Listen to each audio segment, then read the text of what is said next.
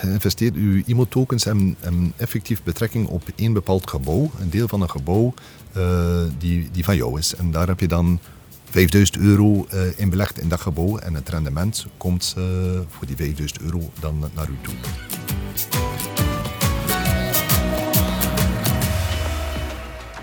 Hallo, welkom bij de vastgoedpodcast van De Walen. Ik ben Stefanie Scholier en mijn gast vandaag is niemand minder dan Philippe De Walen, voorzitter van de Walen Vastgoedgroep, zoon van oprichter Paul De Walen en bijna 30 jaar de drijvende kracht achter de Walen Vastgoedgroep.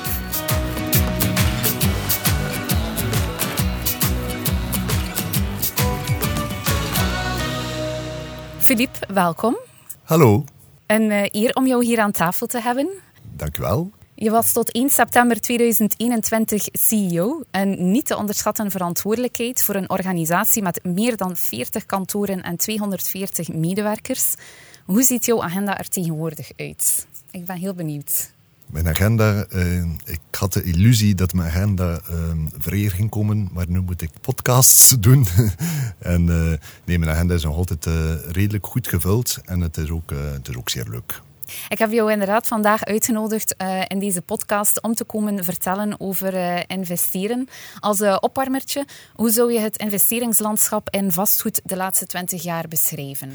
Goh, ik denk dat het, het, vast, het investeren in vastgoed in België en dan eigenlijk in de hele naoorlogse periode een verhaal van stabiliteit is en, en stabiele prijsstijgingen.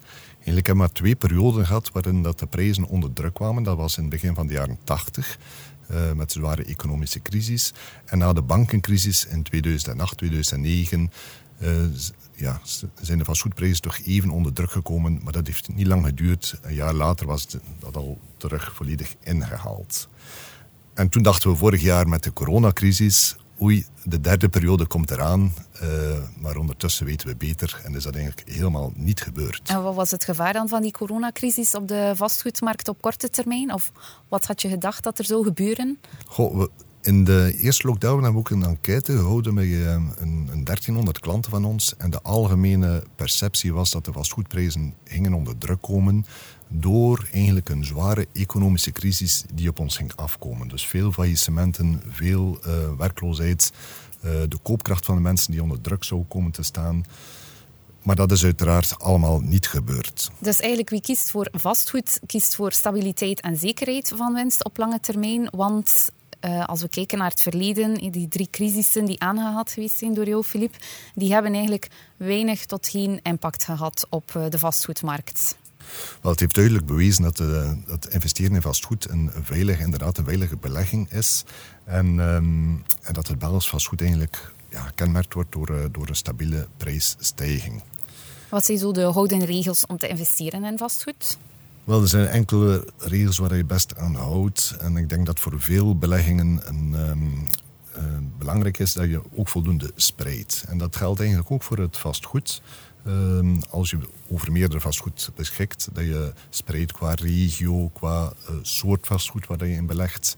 Um, ook kijken, uh, ook zorgen dat je niet met allemaal verouderd vastgoed zit. Kijk naar de, de energetische waarde van je vastgoed, dus voldoende spreiding. Net zoals je eigenlijk doet bij je beleggingsportefeuille bij de bank. Je belegt wat in aandelen, wat in obligaties, wat in fondsen. Inderdaad, want het vastgoed op zich bestaat niet, Stefanie. Uh, dat is een echt diverse markt, allemaal met verschillende deelmarkten, met eigen kenmerken, eigen dynamismen. Dus um, om het risico te spreiden is beter dat je ook daar een, een ja, zoekt naar diversificatie in uw portefeuille.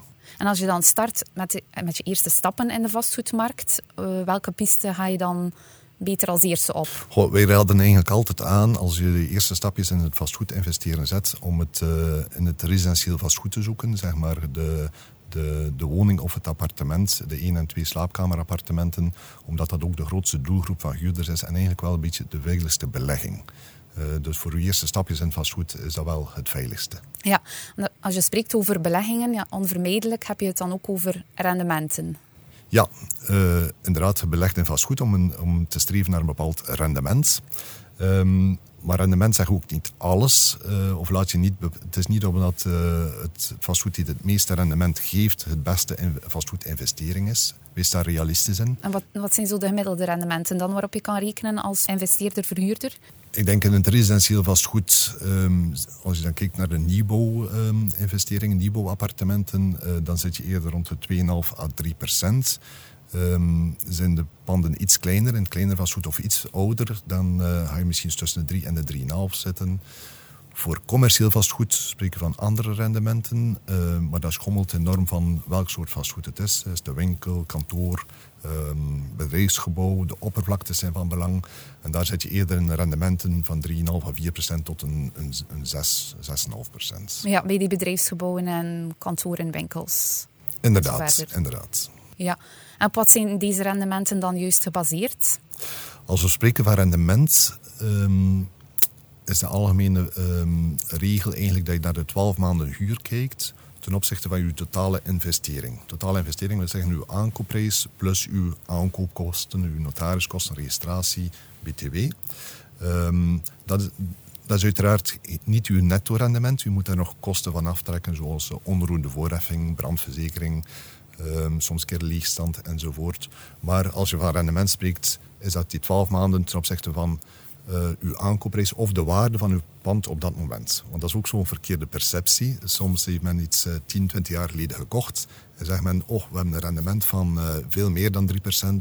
Maar natuurlijk, dat is een beetje een foute berekening. Je moet ja. kijken naar het, de waarde van vandaag, van ja, vastgoed. de waarde van het pand van vandaag, ja. Oké. Okay. Uh, en naast um, die spreiding van de risico's en die inzet op het rendement, waarop moet je nog letten als investeerder? Een belangrijke factor als vastgoedinvestering is uiteraard de fiscaliteit in, uh, in België. En we hebben een vrij gunstige fiscaliteit in België. Enerzijds als particuliere belegger in het residentieel vastgoed um, is dat nog altijd belastingsvrij. De huurgelden wordt eigenlijk niet belast op de huurgelden of niet op de onmiddellijke huurgelden. Uh, maar wat een groot voordeel is in België ten opzichte van heel wat andere landen, dat is dat de, de meerwaarde dat je realiseert op je vastgoed eigenlijk zo goed als belastingsvrij is. Er is een, een, een uitzondering voor uh, um, transacties binnen de vijf jaar uh, van woningen. Um, het eerste element dat ik eigenlijk moet zeggen is dat de, de eigen woning, uw gezinswoning, vrijgesteld is van meerwaardebelasting. Ja. Maar voor uw vastgoedinvesteringen, voor uw tweede verblijf, als je dat zou verkopen uh, binnen de vijf jaar, dan bestaat de kans dat je meerwaardebelasting moet betalen. En met welke data houdt men dan rekening? Men kijkt naar de, de, de, de datum van de, de actes, van de notariële actes. Maar om u een idee te geven van de impact uh, van, van de fiscaliteit... Uh, in een, een eenvoudig cijfervoorbeeldje. Stel dat u vier jaar geleden een vastgoed gekocht hebt voor 200.000 euro.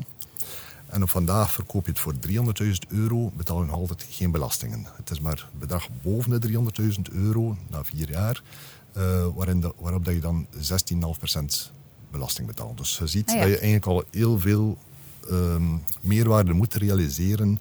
En uh, als je iets voor 200.000 euro gekocht hebt vier jaar geleden en nu voor 350, ja, dan heb je een hele goede zaak gedaan. En als je op dat laatste stukje van 50.000 euro dan 16,5% belasting moet betalen, eigenlijk is dat peanuts. Ja, dus het is nog altijd zeer gunstig. Dus er zit wel degelijk nog een formule achter um, die meerwaardebelasting, die berekening daarvan.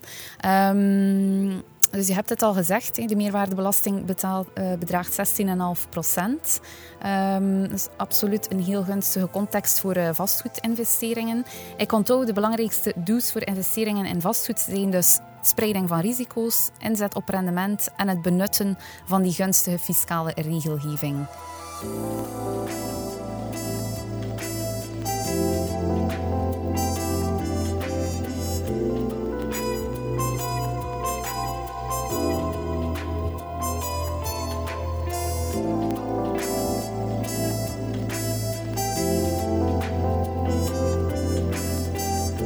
Wat zijn daarnaast eigenlijk de belangrijkste drijfveren voor die beleggingsmarkt?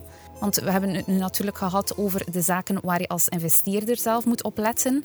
Maar uiteraard wordt die beleggingsmarkt ook door externe factoren gedreven. Ja, eigenlijk kan je, als je dan vooral vraagt naar hoe dat de, wat bepaalt de, de, prijzen van vastgoed in, in, in, het algemeen, heb je eigenlijk drie eh, belangrijke factoren, harde factoren die de prijs bepalen. De eerste en de, de absoluut belangrijkste is de evolutie van de rentevoeten.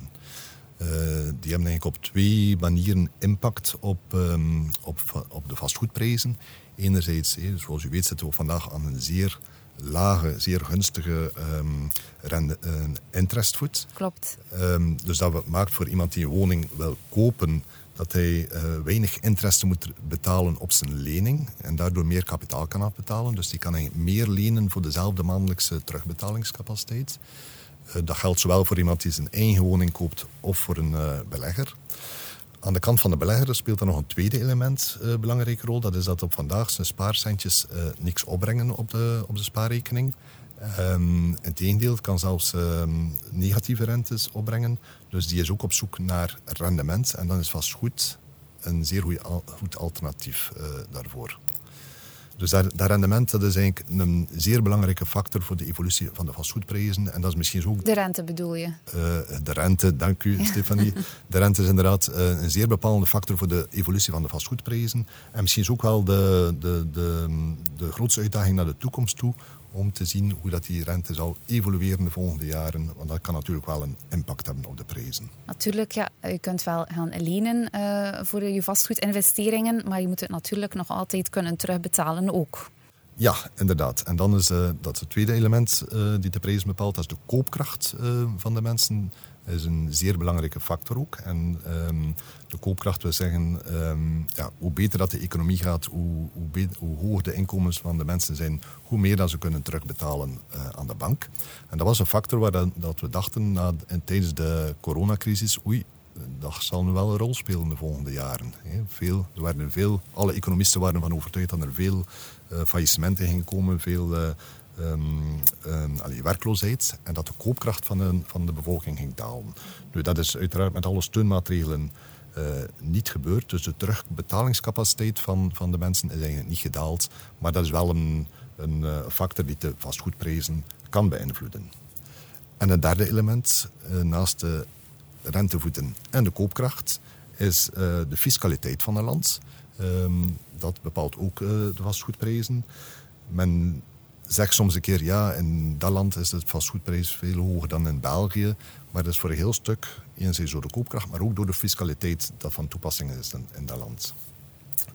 De fiscaliteit is iets die op zich vrij stabiel is of was in België.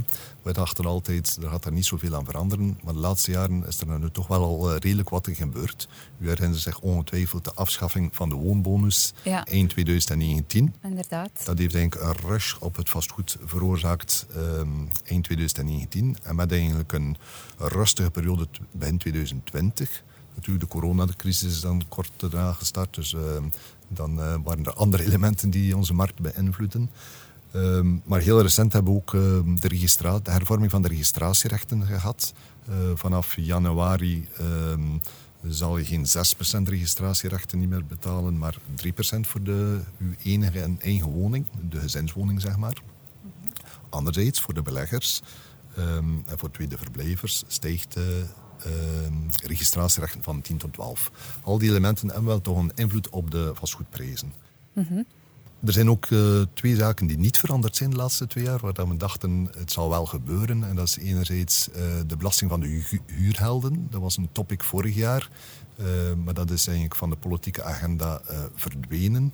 En heel recent, uh, tijdens de begrotingsbespreking, was de, de federale, uh, dus de, de, federale fiscale huntregime, dachten we die ging afgeschaft worden. En die is niet afgeschaft. Voor de leningen van de tweede, derde, vierde woningen bedoel je dan? Inderdaad. Dus uh, dat wordt eigenlijk altijd fiscaal um, bevoordeeld. Het is fiscaal gunstig om een, een beleggingspand aan te kopen.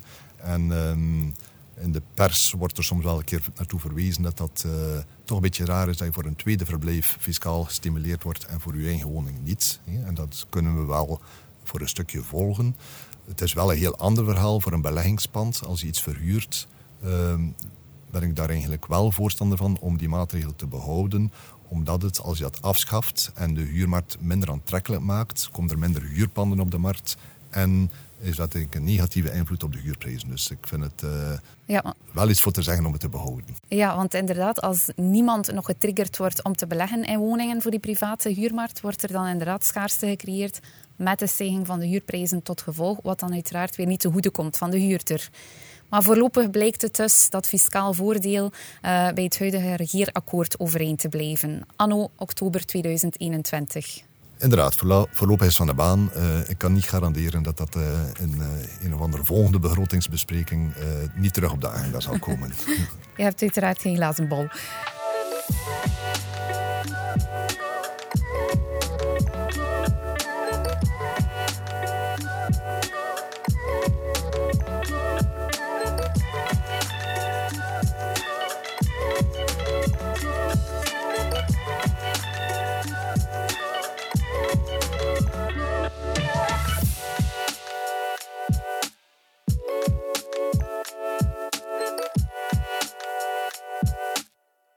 Waarop moet ik dan vooral letten bij mijn eerste vastgoedinvestering? Eigenlijk is het niet zo moeilijk als u um, investeert in vastgoed, Stefanie, zijn er twee zaken zeer belangrijk. U investeert in vastgoed om eigenlijk een bepaald rendement na te streven. Dus het is belangrijk dat je een huurder gaat vinden. En daarom raden wij altijd aan, investeer in iets waar dat er een grote doelgroep van huurders is. En in de residentiële markt is dat dan de 1 en 2 slaapkamer, appartementen, woningen. Uh, in stedelijke gebieden. Omdat je in stedelijke gebieden meer huurders hebt dan in landelijke gebieden. Dat is belangrijk, dat je een huurder vindt. Een tweede ja, misschien op voorhand ook al eens het verhuuraanbod van de regio checken. Uh, want het lijkt me logisch als er al veel te huur staat, dat je dan best niet investeert in die regio. Het is zeer goed om de, om de markt uh, goed te leren kennen. Uh, staat er veel te huur? wat zijn de huurprijzen? Laat je ook niet wijs maken op dat vlak. Dus je kan dat eigenlijk allemaal goed checken Um, en inderdaad, maar in stedelijke gebieden heb je altijd veel meer huurders ten opzichte van eigenaars dan in landelijke gebieden. Dus als je, zo moeilijk is het niet, um, zorg dat je uh, investeert in een, een stedelijk gebied waar er voldoende huurders zijn. Um, het tweede element bij vastgoedinvestering is dat je moet rekening houden. Er komt een dag dat je het ooit gaat verkopen. Ja? En als je het wel verkopen, moet je zorgen dat je voldoende kopers hebt. Dus investeer in iets waar je denkt van kijk, op eh, de dag dat ik zal verkopen, is dat nu binnen 10, 20 jaar, um, zorgt dan er voldoende kopers in. En dan kom je weer terug een beetje in, in die klassieke woningen, klassieke residentiële appartementen en, uh, en woningen. Dus heel eenvoudig, um, investeer in iets waar dat er veel huurders zijn en waar dat er op termijn ook veel vraag zal naartoe zijn. Ja, lijkt heel logisch. Um is het eigenlijk niet zo dat investeren in vastgoed voor de happy few is? Ik denk dat dat ook een beetje een, een, een, een misverstand is. Uh, mensen denken altijd, we hebben uh, 250 of 300.000 euro nodig om iets te kunnen kopen in vastgoed. Hè. Dat is eigenlijk helemaal niet het geval, omdat je uiteraard kan lenen. Hè. En dat is ook super interessant om te lenen, omdat je dan gebruik kan maken van het hefboom-effect. Daar komen we misschien straks op terug. Maar op vandaag moet je rekenen, als je iets wil aankopen, dat je ongeveer 10 à 20 procent één gemiddelde nodig hebt voor de aankoopprijs en dat je ook je registratierechten moet, moet uh, kunnen betalen. Dus heel eenvoudig gezegd, als we het gemiddelde nemen, heb je ongeveer 25 procent één gemiddelde nodig op je totale investering. Bijvoorbeeld van 300.000 euro, 25 procent is 75.000 euro. Voor veel mensen is dat al een grote brok. Dat is uiteraard een, een grote brok en u moet dat ook niet met uw laatste spaarcentjes doen, maar uh, 75.000 euro is iets anders dan 300.000 euro. En, en um, het effect maakt het dan nog een keer mogelijk om het rendement te verhogen. Hè. Want het is, um, op vandaag kan je heel goedkoop lenen. Hè. Uh, heel eenvoudig gezegd, je kan aan, aan 1% lenen en kan een huurrendement hebben van 2,5 à 3% dan moet je niet veel, niet, niet veel kunnen rekenen om te, te verstaan dat dat heel interessant is. Ja, en dat bedoel je dus met het hefboomeffect? Het hefboomeffect is eigenlijk lenen, goedkoop lenen en uh, duurder uh, investeren. Met eigenlijk uh, heel weinig Dat klinkt natuurlijk allemaal heel mooi, dat hefboomeffect. Maar niettemin heb je toch nog altijd een aantal tienduizenden euro's nodig om die eerste vastgoedinvestering te doen. Stel nu dat je bijvoorbeeld slechts 10.000 euro hebt. Kun je daar al iets mee doen? Is er een alternatief voor die startende vastgoedinvesteerders die ook werkelijk in de baksteen willen beleggen? We krijgen regelmatig die vraag inderdaad of, of er is minstens uh, interesse ook bij, bij hele jonge mensen die zeggen we hebben een beetje spaar, spaarcentjes en inderdaad over uh, kleinere bedragen. Wat kunnen we doen in het vastgoed? Ik denk dat je twee uh, mogelijkheden hebt. Enerzijds kunt u uiteraard beleggen in vastgoedaandelen. Uh, dus een, een beursgenoteerde firma die in vastgoedgebouwen in, in gebouwen belegt. Uh, maar dat blijven uiteraard aandelen. Um, nu is er um, ja, waarvan je niet weet wat zit er achter die aandelen, welke woningen zijn dat, welke regio's. Inderdaad, je belegt niet echt welke kwaliteit. Ja, inderdaad, je belegt niet echt in, in de baksteen zelf. En dat is nu wel de essentie van een uh, vastgoedbelegger, dat je eigenlijk wel zeggen, kijk, dat zijn mijn bakstenen daar. Hè. Er is een evolutieopkomst. Uh, we noemen dat de, de, de IMO-tokens. Uh, dat is een, een, een, een evolutie dat we in andere landen al verder zien. Dat is een, ehm, technologie die gebaseerd is op de blockchain-technologie, zoals de cryptomunten, waarin dat men probeert, uh, niet probeert, waar, waarin dat men vastgoed eigenlijk opdeelt in, in tokens, in IMO-tokens, uh, die zouden toelaten om eigenlijk te investeren, zelfs met, met, met 500 euro of 1000 euro in bepaalde gebouwen. En dat zit in volle evolutie. Dat zit misschien in België nog een beetje in zijn kinderschoenen. Um, juridisch uh, is de wetgever nog niet helemaal mee. Maar als we in andere landen kijken, uh, neemt dat toch wel al een hogere vlucht. En dat laat eigenlijk toe om op een heel eenvoudige manier te beleggen in vastgoed met relatief uh, beperkte bedragen. En dat op een heel gemakkelijke manier ook te verhandelen, zonder dat er daar veel verhandelingskosten aan, zijn. Dat is iets dat we met de, de Wallenvastgoedgroep ook uh, goed in de gaten houden. Um, kijken uh, wat, um, ja, of dat een goed alternatief kan zijn voor beleggers hier in België. En daar weet je dan wel perfect welk pand achter die IMO-tokens zit. Ja, investeert uw IMO-tokens hebben, effectief betrekking op één bepaald gebouw, een deel van een gebouw uh, die, die van jou is. En daar heb je dan 5000 euro uh, in belegd in dat gebouw en het rendement komt uh, voor die 5000 euro dan naar u toe. Ja, en je wordt dus voor een stukje eigenaar van dat pand. Misschien maar voor 1% of 5%. Klopt, um, maar dat laat wel toe om uh, met kleine bedragen en op een, een manier die makkelijker te verhandelen is, echt te investeren in bakstenen. Um, dus we zien er wel uh, potentieel in voor onze markt. We zijn het aan het onderzoeken. En ik zou zeggen, misschien voor, voor een volgende podcast. Oké, okay, maar het is dus heel duidelijk, het is geen vastgoedfonds of een obligatie of een aandeel, dat is het niet. Dus het is heel erg nieuw op de markt. Um, ja. ja. Is er dan ook veel geweten omtrent de verhandelbaarheid van uh, dat beleggingsinstrument? In, um, in de Verenigde Staten heb je echt al uh, sites die zich daarop toeleggen uh, om die IMO-tokens te, te, te verhandelen. Uh, laten we zeggen dat in België uiteraard staan we absoluut nog niet zo ver. Maar het is wel degelijk een alternatief voor aandelen, voor obligaties, voor waardepapier. denk een beetje aan de cryptomunten, de blockchain-technologie. Um, dus allemaal technologieën die zeker op ons af zullen komen, die misschien nog even moeten zijn juiste weg vinden maar uh, ja, wordt vervolgd. Op die manier wordt vastgoed als investering natuurlijk veel toegankelijker. Uh, voor veel luisteraars zal dit waarschijnlijk heel erg nieuw klinken. Ik zelf ben dan ook benieuwd hoe deze markt uh, zal doorbreken.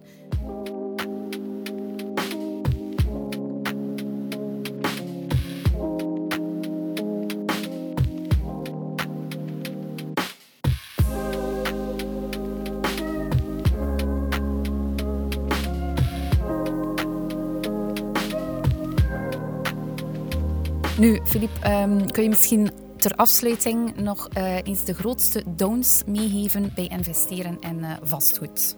De grootste downs. Um, een belangrijke is de emoties. Emoties, we hebben allemaal veel emoties. En dat is uh, als u eigen woning koopt om zelf in te wonen of een leuke tweede verblijf aan de kust, zou ik zeggen, ga volledig af op uw emoties en zeggen, hier ik gelukkig. Een vastgoedinvestering emoties zijn dan niet altijd de beste raadgever. Want u belegt eigenlijk in vastgoed om een bepaald rendement na te streven, om waardebehoud te doen, om meerwaarde te creëren. En uh, je moet dat proberen objectief te bekijken uh, en niet altijd te laten... Ja, je moet het echt als een belegging zien. En dan, dan zien we wel dat emoties... Voor vele mensen is dat waarschijnlijk wel moeilijk. Ja, Veel mensen gaan waarschijnlijk af op de esthetiek van het gebouw, ja. wat ze zelf leuk vinden. Voilà, en dat, kan, dat, kan, dat is niet altijd slecht, uh, maar je moet het toch wel uh, finaal als een belegging zien en denken van kijk, de dag dat ik verkoop zal dat een goede zaak zijn. Dus probeer daar toch objectief naartoe te kijken. Een tweede punt of een down of iets dat we aanraden aan mensen om zeker te doen aan de beleggers, dat is om uw vastgoedportefeuille regelmatig te laten evalueren of een keer kritisch naartoe te kijken. We stellen wel vast dat veel mensen investeren in vastgoed. Maar eigenlijk durven ze daar nooit een keer kritisch naartoe kijken. Is dat, is dat wel nog een goede portefeuille? Is de energetische waarde van mijn gebouwen nog goed? Is het goed verhuurd? Um, in tegenstelling tot de beleggingsportefeuilles bij de bank bijvoorbeeld, waar men jaarlijks langs gaat bij de beleggingsadviseur of de relatiebeheerder om de portefeuille door te lichten. Inderdaad. Uh, men zou wel bijna iedere maand bij een, uh, bij een bankier binnengaan om aandelen te kopen en te verkopen, maar naar dat vastgoed, daar wordt er eigenlijk zeer weinig naartoe gekeken. En uh, wij raden aan om dat toch heel regelmatig te doen. Um, en ook naar uw persoonlijke situatie te kijken, want ehm, er is ook altijd wel vlug een successieproblematiek die naar voren komt. Ehm, en vastgoed uh, kan daar een goed instrument zijn om uw successie ook goed te regelen. Uh, de eenvoudige techniek van de gesplitste aankoop, waarin dat je bijvoorbeeld de naakte eigendom op naam van uw kinderen zet en het vruchtgebruik, de huurinkomsten uh, bij u houdt, is een zeer goede manier om uw successie te regelen. En je moet daar op tijd mee starten. Um, dus ja, hoe komt dat dat mensen zo weinig hun vastgoedportefeuille doorlichten? Ik denk dat ze daar eh, niet echt het nut van inzien of zeggen, kijk, het is altijd goed verhuurd en eh, we zijn er eigenlijk altijd al 20, eh, 30 jaar content van. Ehm, maar we ervaren toch, ehm, als de belegger ouder wordt, dat hij toch zegt van oei, mijn huurders worden nu abbetanter. Maar meestal zijn dan die huurders niet die abetant doen. Dat is meestal die gebouwen die veel ouder aan het worden zijn. Nee, de, de, leeftijd van de gebouwen evolueert mee met de leeftijd van de beleggers. En het is blijkbaar voor veel beleggers toch zeer moeilijk om te ik ga nu keer mijn... Mijn portefeuille doorleggen en dat gebouw ofwel renoveren of uh, verkopen en, en, herinvesteren in iets nieuws. Het is precies een stukje van zichzelf dat ze moeten bijna gaan verkopen. Dus uh, dan speelt de emotie toch terug een rol. Soms is het ook wel zo, natuurlijk. Als het gaat over de ouderlijke woning bijvoorbeeld, uh, dan is het een stukje geschiedenis van zichzelf dat, dat ze weggeven. Dat is waar. Of dat... kritisch en vragen durven stellen. En dat, dat respecteren we uiteraard ook. Hè. Maar als je dan puur vanuit beleggingsstandpunt kijkt, moet je een keer neutraal durven naartoe kijken en adviseren we onze klant van kijk, neutraal gezien in uw situatie zouden wij dat en dat en dat doen.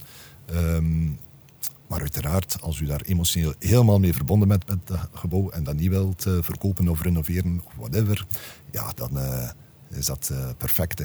Ja, maar je hebt absoluut gelijk, Filip. Want een goed doordachte successieplanning kan ervoor zorgen dat een erfenis ook werkelijk aanvoelt als een geschenk voor degene die het ontvangt. Voilà. Goed, we zijn aan het einde van deze podcast gekomen. Heb jij nog een laatste boodschap voor onze luisteraars? Goh, om het um, ik denk dat het duidelijk is. Het, het tegendeel zou ook uh, niet, niet, uh, niet geloofwaardig klinken, maar dat we, we zijn grote believers uiteraard om te beleggen in vastgoed. Omwille van um, vooral van stabiliteit van je belegging. Uh, je weet wat je koopt, je weet wat je in investeert. Um, maar het is ook belangrijk om uw belegging af en toe een keer kritisch, kritisch naartoe te kijken. Is het nog up-to-date? Moet ik niet herinvesteren in iets anders? Uh, rekening houden met uw familiale, uw successietoestand. Dus laat u daar goed voor informeren um, of adviseren. En uh, dan kom je toch heel ver met vastgoedinvesteringen. Ja. Ja, dankjewel. Ik vat misschien nog even deze podcast samen in uh, vijf takeaways. En dat is één, beslis rationeel, niet emotioneel. Twee, mik op een zo groot mogelijke doelgroep voor verhuur en verkoop. Drie, Wees realistisch in de berekening van het rendement. 4. Zorg voor voldoende diversificatie in je investeringen. En 5. Laat je vastgoedportefeuille van tijd tot tijd analyseren. Hartelijk dank, Filip. Met heel veel plezier, Stefanie. Dit was de vastgoedpodcast van De Walen. Krijg je niet genoeg van ons vastgoedadvies? Abonneer je dan zeker op ons kanaal en beluister al onze podcasts of neem een kijkje op dewalen.com. Tot de volgende vastgoedbabbel.